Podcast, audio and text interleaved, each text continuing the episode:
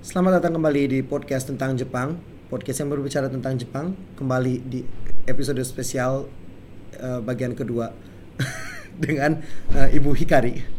Ini kenapa aneh dia? Yeay, kalau podcast yang bagus ada sound efeknya gitu. Oh gitu ya. Yeay.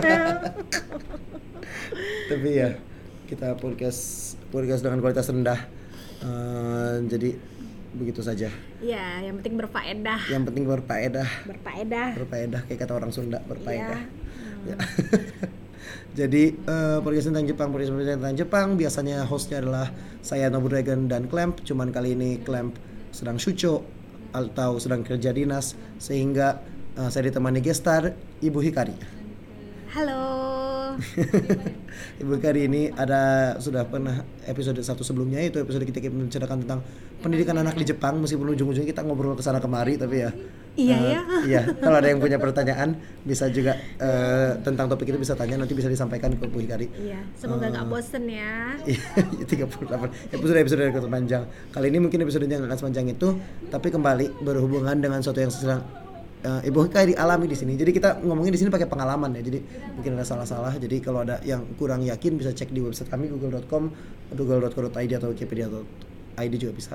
Uh, lalu kalau ada pertanyaan nanti ketika lagi denger ini kok ini atau ada kritik saran juga kok ini kayaknya salah banget gitu atau oh ini ini maksudnya apa ya bisa lebih pengen lebih jelas atau muncul pertanyaan bisa langsung email kami di podcast tentang Jepang at gmail.com sekali lagi podcast tentang Jepang at gmail.com nggak pakai spasi atau bisa langsung buka laman Facebook kami uh, podcast tentang Jepang.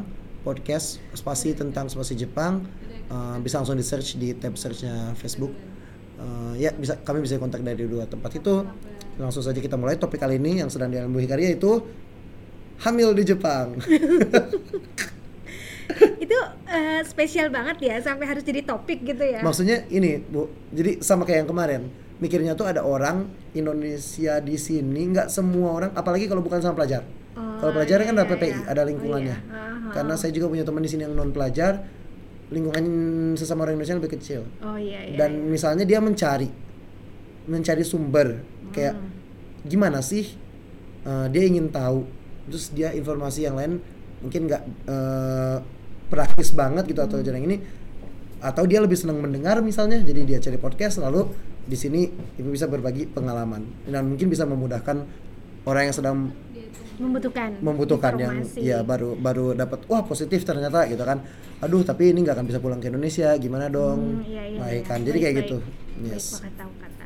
jadi dan ya jelas hmm. kan dan jelas berbeda di Jepang dan Indonesia kan. Iya betul. Iya jadi mungkin itu juga bisa jadi menarik untuk orang yang penasaran dengan kehidupan di Indonesia gimana sih eh di Jepang gimana sih dibandingkan dengan Indonesia. Yep, yep. coba bisa ngasih lebih banyak konteks juga.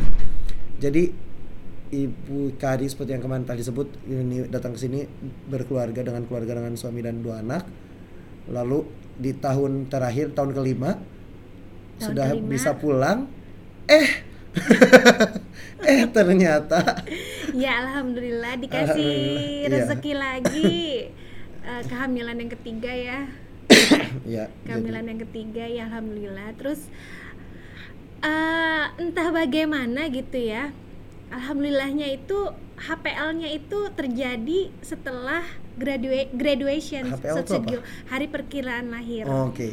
Ya, jadi ya alhamdulillahnya gitu ya. Saya jadi juga. bukan di tengah-tengah sidang Bukan ya? di tengah-tengah sidang. Jadi direncanakan 9 bulan 10 harinya ya itu ya, betul, adalah setelah, setelah wisuda. wisuda bahkan ya. Iya. Setelah wisuda. Tapi kondisinya sekarang saya nggak bisa pulang ke Indonesia Jadinya malah duluan. Jadi harus karena takut uh, memang resiko ya. Resiko lagi hmm. ketika di perjalanan gitu ya resiko memang kehamilannya ini saya ada beberapa resiko sehingga dari mulai trimester ketiga itu uh, dokter sens senseinya ya sensei dokternya itu udah mewanti-wanti kamu jangan begini dan begitu harus begini harus begitu dan kamu hmm. tidak boleh traveling bla bla bla okay. kamu harus opera uh, sesar di sini ya demikian oh.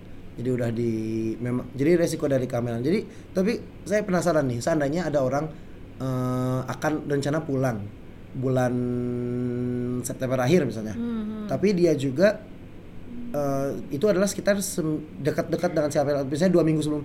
Jadi si HPL-nya adalah Oktober tengah. Yeah. Itu kira-kira gimana? Apakah lebih baik jangan pulang? Apakah uh, ada resiko kayak melahirkan di pesawat kayak Jadi ada kebijakan masing-masing uh, airlines ya. Oke. Ada kebijakan masing-masing airlines yang saya tahu kebijakan airlines yang akan saya pakai untuk pulang ke Indonesia itu adalah uh, yang oke itu sampai dengan satu bulan sebelum Si HPL. itu. Jadi oke. Nah, kalau misalnya uh, seminggu sebelumnya itu harus ditemani oleh paramedis. Nah, oke. Nah, kita Masuk kan akal. iya ngebiayain satu orang lagi buat sebagai Iya. paramedis itu. Dan ngebiayain dia pulang lagi. Iya, betul. Pulang ngebiayainnya Iya, PP. demikian. Nah, ah, ah, Iya ah. oke. Jadi sekalian di sini aja. Iya. Lagian di sini juga mm, teknologinya oke Iya. guys kayak. Oh iya, iya oke. Mungkin ibu belum pernah melahirkan di sini tapi pasti tahu ada orang lain yang pernah melahirkan di sini. Iya betul. Dari, dari, dari kehamilan atau dulu apa? ya, dari bedanya kehamilan dulu. Ah. Jadi eh memang ya beberapa perbedaan yang mendasar dengan saya anak pertama dan kedua itu lahirannya di Indonesia. Mm-mm. Ada beberapa perbedaan mendasar. Yang pertama itu setiap ibu hamil di Jepang itu harus didaftarkan. Dalam artian apa? Harus daftar ke eh, ward office. Ward office itu kantor kecamatan kan Iya ya. lu camat lurah. Uh, jadi dia harus terdata dia itu sedang hamil, kapan HPL-nya, dokternya siapa, rumah sakit nanti mau lahiran di rumah sakit mana gitu ya. Terus nanti dari uh, ward office itu dari kantor kecamatan dia dikasih keychain yang gantungan kunci ibu hamil, dikasih kartu diskon buat periksa Oh, oke. melahirkan, Iya. buat lab ya. Terus dikasih buku, buku apa? Kehamilan. Bosteco, Iya, Bosteco yang itu Bo shi itu ibu anak. Jadi Uh-uh. buku catatan ibu anak. buku catatan ibu anak. Nah, kalau buat foreigner, buku catatan ibu anak itu ada eh, terjemahannya. Jadi bahasa Ya, Inggris. gitu. eh, bahasa Inggris, bahasa Indonesia juga ada. Oh, oke. Jadi keren, alhamdulillah. Nah, jadi emang satu itu dicatat ya. Kemudian yang kedua, perbedaan lainnya adalah eh Jadi kalau di Indonesia itu nggak dicatat, nggak ada sama nggak sekali. dicatat. Jadi kita tuh cuman pergi ke dokter, diperiksa atau bidan ya. Dan melahirkan pun bisa di bidan. Tapi kalau di rumah di Jepang itu kita itu sangat dimotivasi untuk lahiran di rumah sakit. Bidan pun ada tapi yang namanya bidan. Eh, Opsgin ya. Oh, Oke, jadi Dokter be- Opsgin. beda ya. Ya, eh. Tapi bisa di di opsin juga bisa. Iya. Opsin itu Pa- jadi eh, dokter, dokter kelamin kandungan, ya. Nggak. Bukan kelamin, dokter itu- kandungan dan oh, itu kewanitaan. dokter Kandungan dan kewanitaan. Ke- kelamin lain Saya lagi. saya kira itu kelamin sama ini opsin itu. Jadi saya Kelamin lain lagi. saya punya asumsi yang sangat salah. Nah, nah biasanya daftar ke ward office itu eh, dilakukan setelah dokter Opsgin kira-kira eh, memeriksa setelah 8 minggu kehamilan atau setelah detak jantungnya itu terdeteksi. Itu baru ke rumah sakit. Baru dokter Eh. Opsgin memberikan surat pengantar ke kantor kecamatan Oh, oke, oke. untuk daftar. Sip, sip, sip. Nah, kalau Jadi dulu eh, bukan bukan dari tes yang yang Bukan. urin itu kan, bukan, Bukan. positif sana, tapi Jadi emang ada surat ini. pengantar dari rumah sakit. Nah kasus saya, saya pekan keempat itu karena ini kan kehamilan ketiga ya, jadi Iya. udah ngerti ya ciri-ciri hamil gimana. Saya curiga, terus tandanya stripnya itu si dua garis biru itu tuh dua garis merah sih di sini.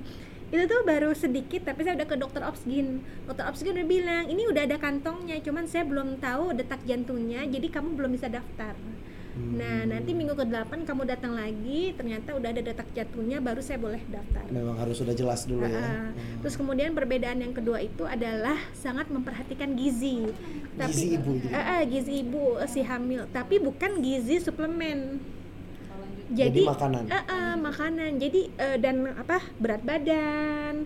Oh, jadi kalau kemudian- ketika ke dokter itu di Oh selalu dites. Pokoknya kalau ke dokter itu selalu tes urin. Hmm. Tes urin itu selalu cek protein segala macem ya dan secara berkala tes darah.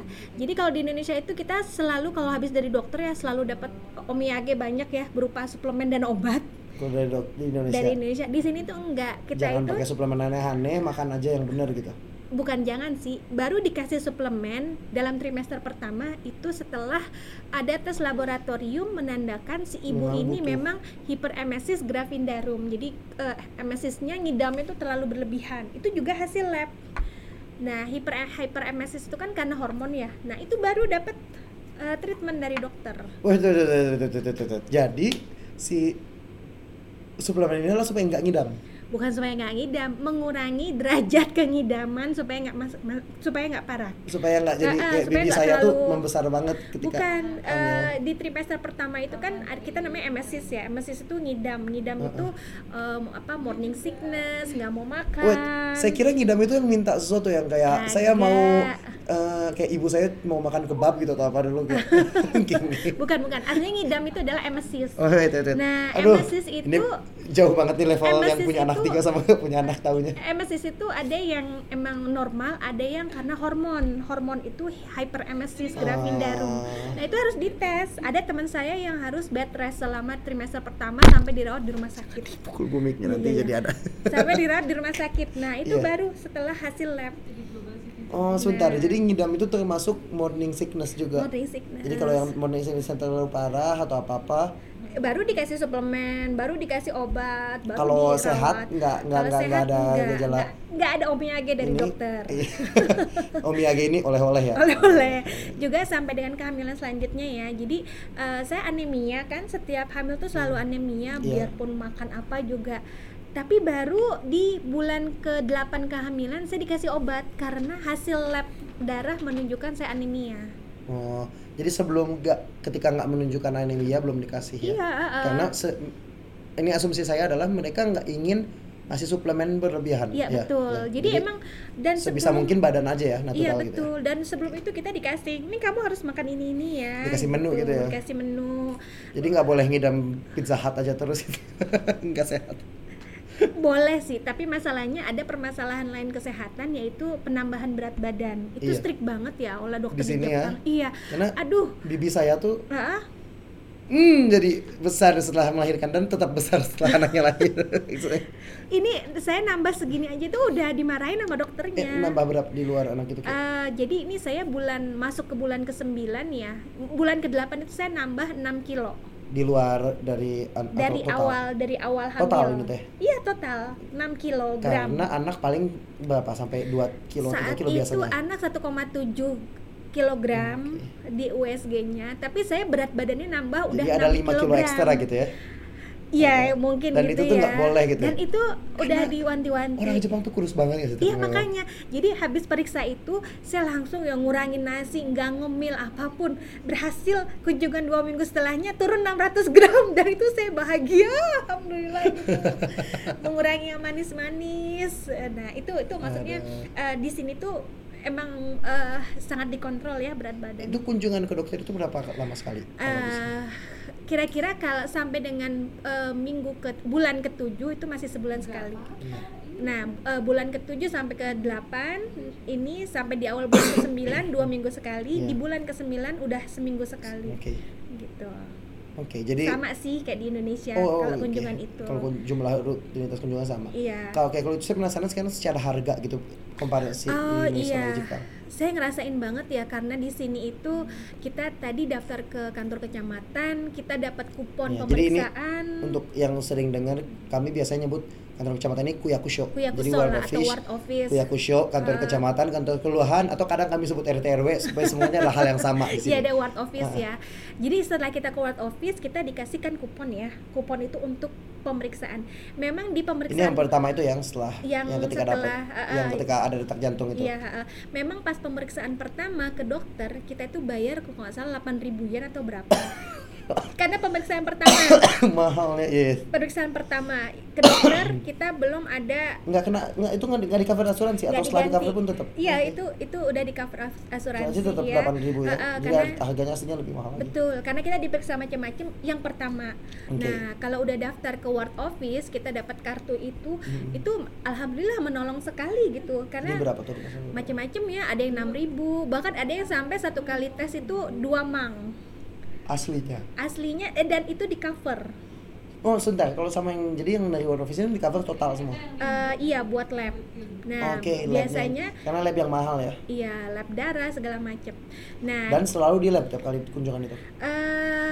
Tadi yang urin selalu minimal, kan? diperiksa urin, tensi, berat.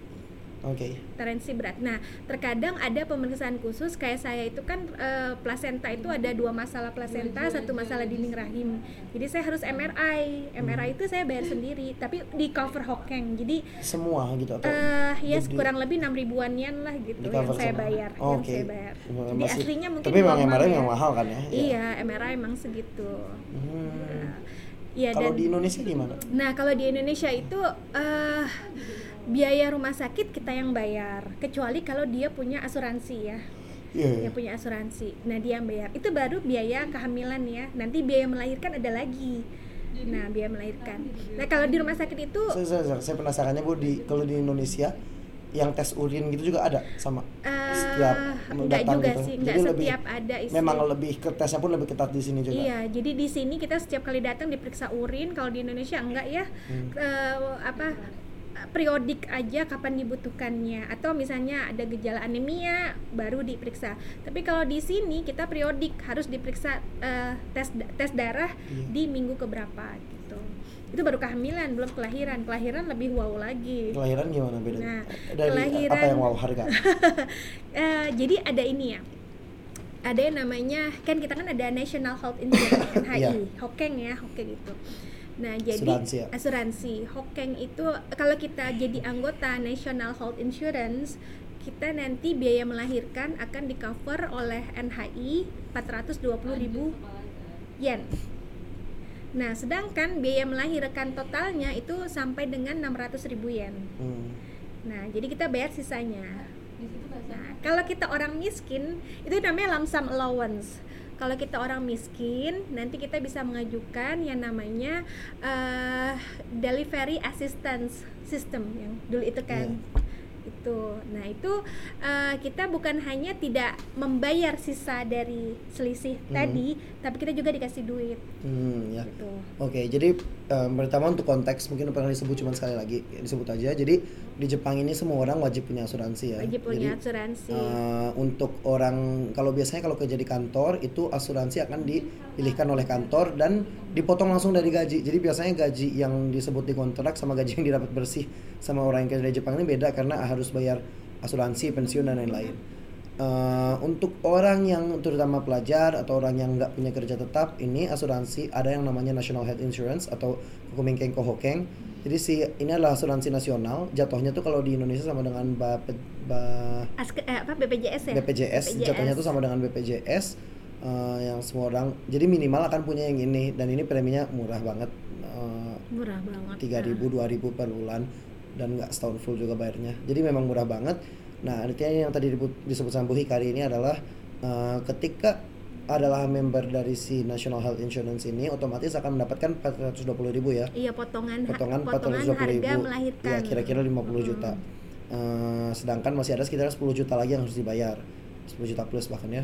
10 juta plus ini eh, bagi orang yang jatuhnya tuh kayak Orang ibu ibu dan suami ini kan sama-sama adalah pelajar statusnya Ah. pelajar nggak punya gaji kalaupun ada beasiswa yang nggak terlalu besar juga. Jadi jatuhnya dikategorikan kita di sini sengaja di kota kita ini kita dikategorikan sebagai orang miskin.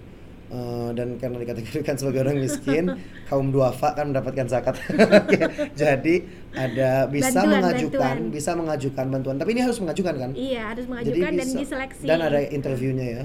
Bisa mengajukan untuk mendapatkan bantuan bantuannya itu akan membantu meng- selain mengcover sisa biaya dari yang tadi yang belum dibayar itu si sisa 10 juta plus plusnya itu kalau dalam rupiah juga akan mendapatkan uang juga untuk bantuan ya Iya. jadi mendapatkan kayak subsidi gitu ya Kalau dapat. Kalau dapat. Kalau iya kalau udah dapat tadi gimana Belum lah, baru Masih kemarin interview baru minggu lalu itu. ya jadi ini tapi ini jangan lupa ini harus apply Iya. jadi harus silakan apply. cek di uh, kuyakusho-nya masing-masing di ward office-nya masing-masing Dan biasanya juga ini diarahkan dari rumah sakit. Iya, kalau nggak diarahkan maka tanyalah. Iya. Karena ada, apalagi kalau eh, dalam kondi- kondisi nggak membayar pajak. Hmm. Jadi kalau nggak membayar pajak artinya udah dikategorikan secara, eh, sebagai pemasukannya terlalu kecil untuk bayar pajak ya. Kayak kebanyakan mahasiswa saya juga di sini karena mahasiswa dan nggak ada pemasukan selain beasiswa yang nggak terlalu besar, jatuhnya nggak bayar pajak dan eh, ya of course banyak hak-hak juga ya. Iya, yang betul. biasanya saya nggak ngambil sekarang karena subsidi saya nggak tapi nggak ambil tapi eh, karena nggak butuh juga. Cuman kalau ini kan untuk melahirkan kan besar ya eh, biayanya besar dan apalagi dengan punya anak dan lain-lain. Jadi ini jangan lupa untuk yang akan melahirkan dan akan di Jepang dan memang termasuk yang kondisinya kurang mampu dari standar Jepang maka ini mengajukan atau tanya ke rumah sakit juga ya Iya.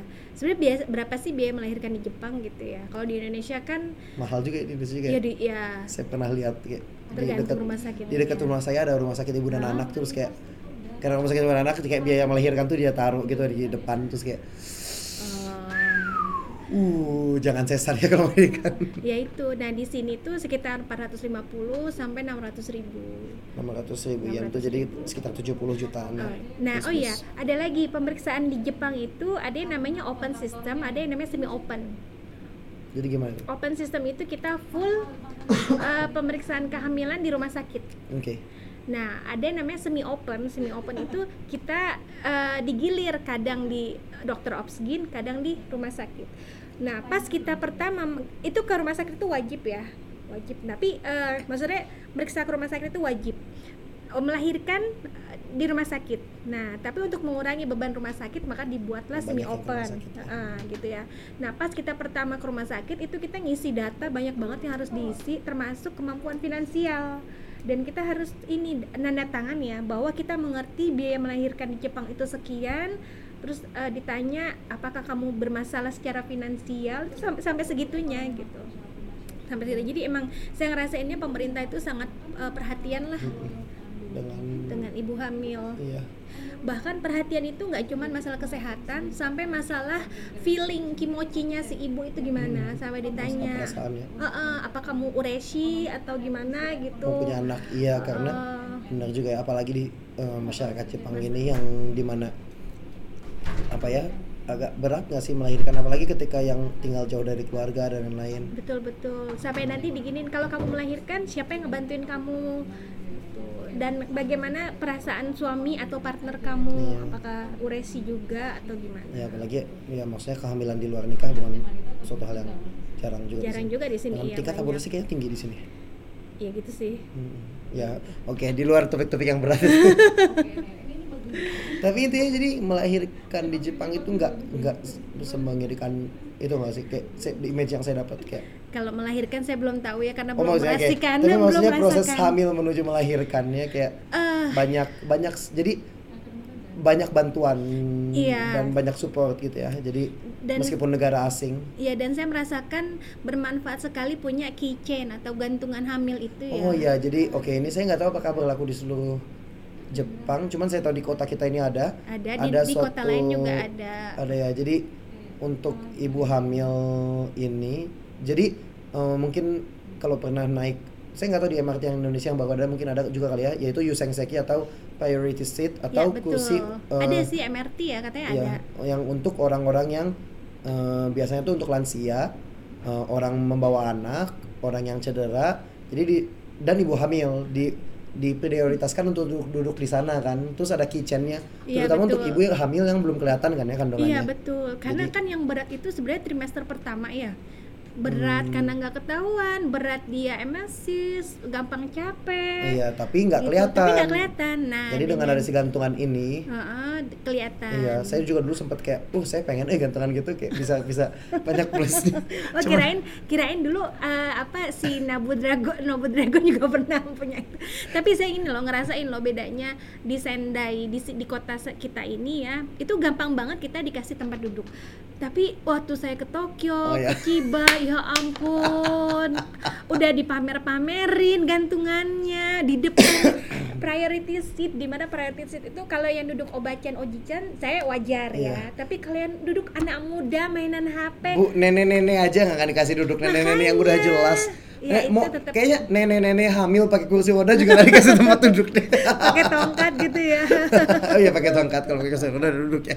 Nenek Iya, iya makanya hamil pakai uh, uh, tongkat. bersyukur banget deh hidup di uh, daerah ya gitu ya. Maksudnya selain kota Ini kota besar metropolitan. gitu, ya kota walaupun ini besar sebetulnya. uh, hanya nggak nggak nggak nggak bersahabat Tokyo. Iya Masih betul. bersahabat. Saya pernah satu kejadian di bus bus itu penuh. uh, depan saya bukan priority seat. Di sini? Iya di sini. Nah terus di situ depan saya itu mbak-mbak mbak-mbak lagi main HP dan saya tahu pasti mbak-mbak ini nggak akan sadar kalau saya hamil. Iya. Saya udah belum Ah, belum, belum kelihatan. Itu udah awal. lebih dari setengah perjalanan pulang dan saya emang saya itu musim panas ya.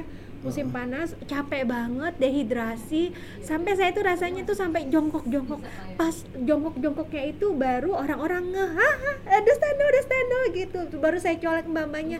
Maaf saya boleh duduk nggak? Saya sambil menunjukkan kitchennya dan mbak-mbak itu langsung, "Ah, gue menasai, gue menasai." gitu langsung. Silakan silakan, maaf ya gitu. Oh. Jadi ya seneng ya di sini. Sosial pun membantu kita. Tapi bu, mungkin di Tokyo harusnya jongkok-jongkok dulu juga kali ya. itu acting ya nggak mungkin juga kitchen. saya kayak gitu nggak mungkin juga Aduh.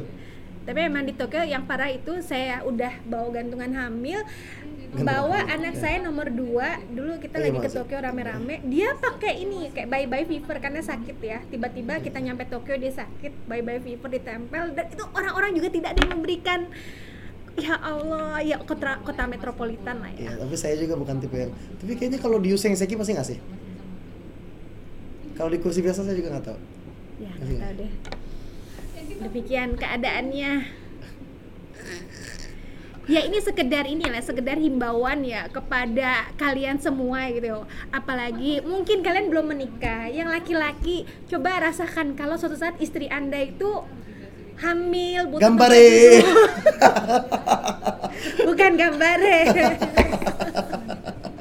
Gitu. Ya ataupun yang gadis-gadis yang perempuan. Bolehlah kalian semua lagi di bus di kereta itu lihat HP tapi lihatlah sekeliling. Adakah orang yang butuh priority seat? Bukan tapi saya nggak di priority seat sih. Saya nggak bisa duduk di priority seat. ya kalaupun gak di priority seat tapi lihat juga lah. Adakah yang Oh, gitu ya. membutuhkan? Nah, Siap diusahakan. Saya biasanya saya ngeliatnya kayak itu priority seat ada yang muda. jangan gitu juga Ya ampun. ya ampun jangan gitu juga tapi yang kesel tuh dulu saya ngasih ya. Dulu saya tipe yang rada ngasih ya.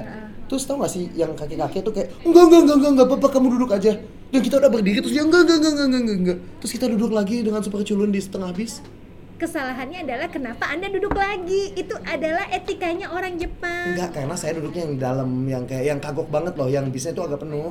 Oh iya sih, dia ke situ aja tuh susah. Iya kan, berdiri kan, kayak oh dozo dozo gitu kan, silakan. Terus kakek kakeknya, oh enggak enggak enggak enggak, udah enggak apa-apa, udah kamu duduk aja, enggak enggak enggak. enggak." Terus kayak, saya kan jadi duduk lagi kan. Mungkin dia mau turun bentar lagi. Enggak. Tapi itu masih enggak dia enggak enggak pengen dibantu. C- Tapi saya pernah ke orang yang pakai kursi roda dia kayaknya kesel dibantu. Jadi saya pernah mau nanya mau dibantu enggak, terus dia kayak terus dia marah malah. Kayak, Iya. "Emang itu perlu dibantu? Tapi kayaknya karena dia merasa ini ya kayaknya itu self esteem juga ya. Cuman Iya. kalau kakek kakek itu kayak terus jadi kesel kan jadi pundung kan. Terus saya kayak kalau kalau ngasih itu saya nggak pernah bilang apa apa Ya langsung berdiri langsung jalan. Kayak mau turun terus nanti yang duduk lagi anak muda lain Ya, itu, itu dia. paling benci Itu dia, itu lebih dibenci. Kita udah berusaha ngasih ke orang, benci. taunya tempat duduknya Di- dikasih. diduduk sama eh, orang lain didudukin orang lain. yang Ah. jelas-jelas nggak lucu cuman kayak kalau nggak kayak gitu nggak duduk susah Ya betul. kalau kita ngasih itu dia kayak ah iye iye paling nenek-nenek yang mau duduk tuh sesuatu yang kita kasih kita kasih dozo tuh dan duduk tuh hanya nenek-nenek Ada teman saya ya di Aomori malah jadi dari kehamilan jauh Iya, banget ke dia marah-marah Aomori Jadi saking banyak orang yang membutuhkan priority seat, jadi mereka itu saling ngalah. Karena merasa dirinya itu tidak membutuhkan, padahal dirinya membutuhkan. Bisa Iya, jadi iya. tuh kayak gitu. oh enggak itu mah dulu saya masih muda masih kelihatan tua Bukan si kakek itu mungkin merasa masih ada yang membutuhkan. enggak kayak cuman cuman kakek kakek itu doang tapi ya sudah lah ya udah nggak apa-apa maksudnya dia merasa masih kuat juga nggak sih Iya sih, iya sih. Ya kau sudah. pikir gua aku tua mungkin dia merasa kayak gitu ya? Kembali ke topik.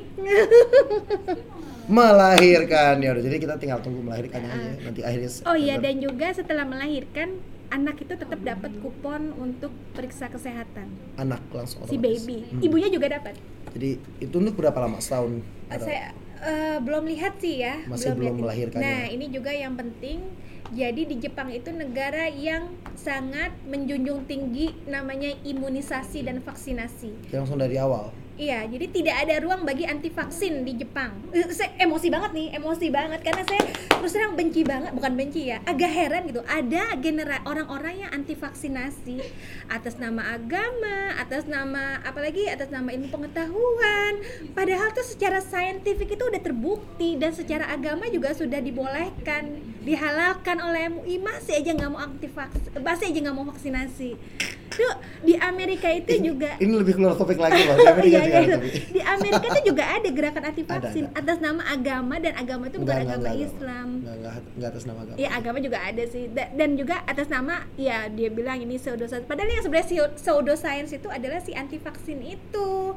Kok jadi emosi gini ya? ya saya keluar topik abis Iya, i- ini Iya. termasuk ini kan topik apa melahirkan, melahirkan dan- kehamilan iya maksudnya Eh, Oke. Boleh ya udah ya. kita nggak usah jangan kita bahas perlu panggil ini yang dokter beneran ini untuk menjelaskan tentang vaksinasi. Iya. Intinya itu sih, kalau misalnya Anda uh, pergi ke Jepang bawa anak atau pengen punya anak, maka Anda anti vaksinasi, ya nggak bisa bisa. hidup di sini karena Anda adalah ancaman bagi society. Gitu. Iya, oke. Jadi itu perlu diperhatikan untuk eh, para pendengar kami yang anti vaxxers. Habis ini podcast lo di ini gue. Di apa? Oke. Eh, 30-an.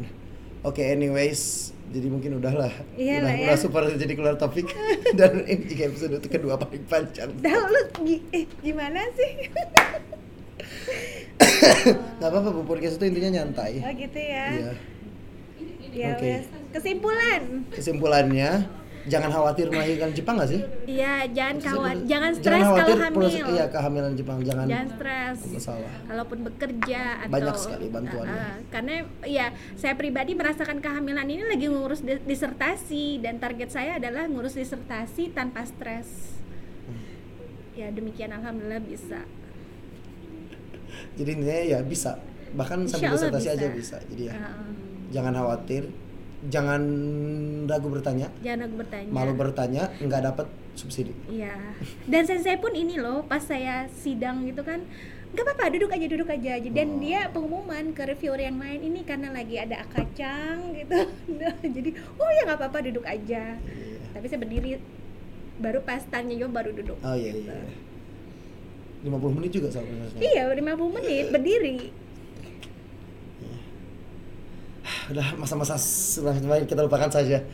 Hah, sudah lewat semua itu. Huh. Huh. Dadah. Oke. ya sudah kalau gitu mungkin episode kali kalau ada mempunyai pertanyaan atau kalau mungkin follow up nggak tahu bakal bisa follow up nggak saya juga keburu pulang juga kali ya. Ya Tapi ya kita lihat saja mungkin nanti bisa sama si Clamp kalau nggak follow up. Oke. Uh, anyways kalau gitu uh, mungkin sekian dulu untuk episode kali ini. Iya, mohon maaf ya. Oke, ke mana-mana topiknya dari anti vaxxer sampai anti duduk. Anyways, eh, kalau ada pertanyaan, ada kritik saran dan lain-lain, silakan langsung saja hubungi kami di email podcast tentang jepang@gmail.com atau di Facebook kami yaitu podcast tentang Jepang di laman Facebook kami langsung bisa tanya di sana akan usaha kami usahakan menjawab secepatnya Eh, sekian untuk kali ini sayonara Sayonara.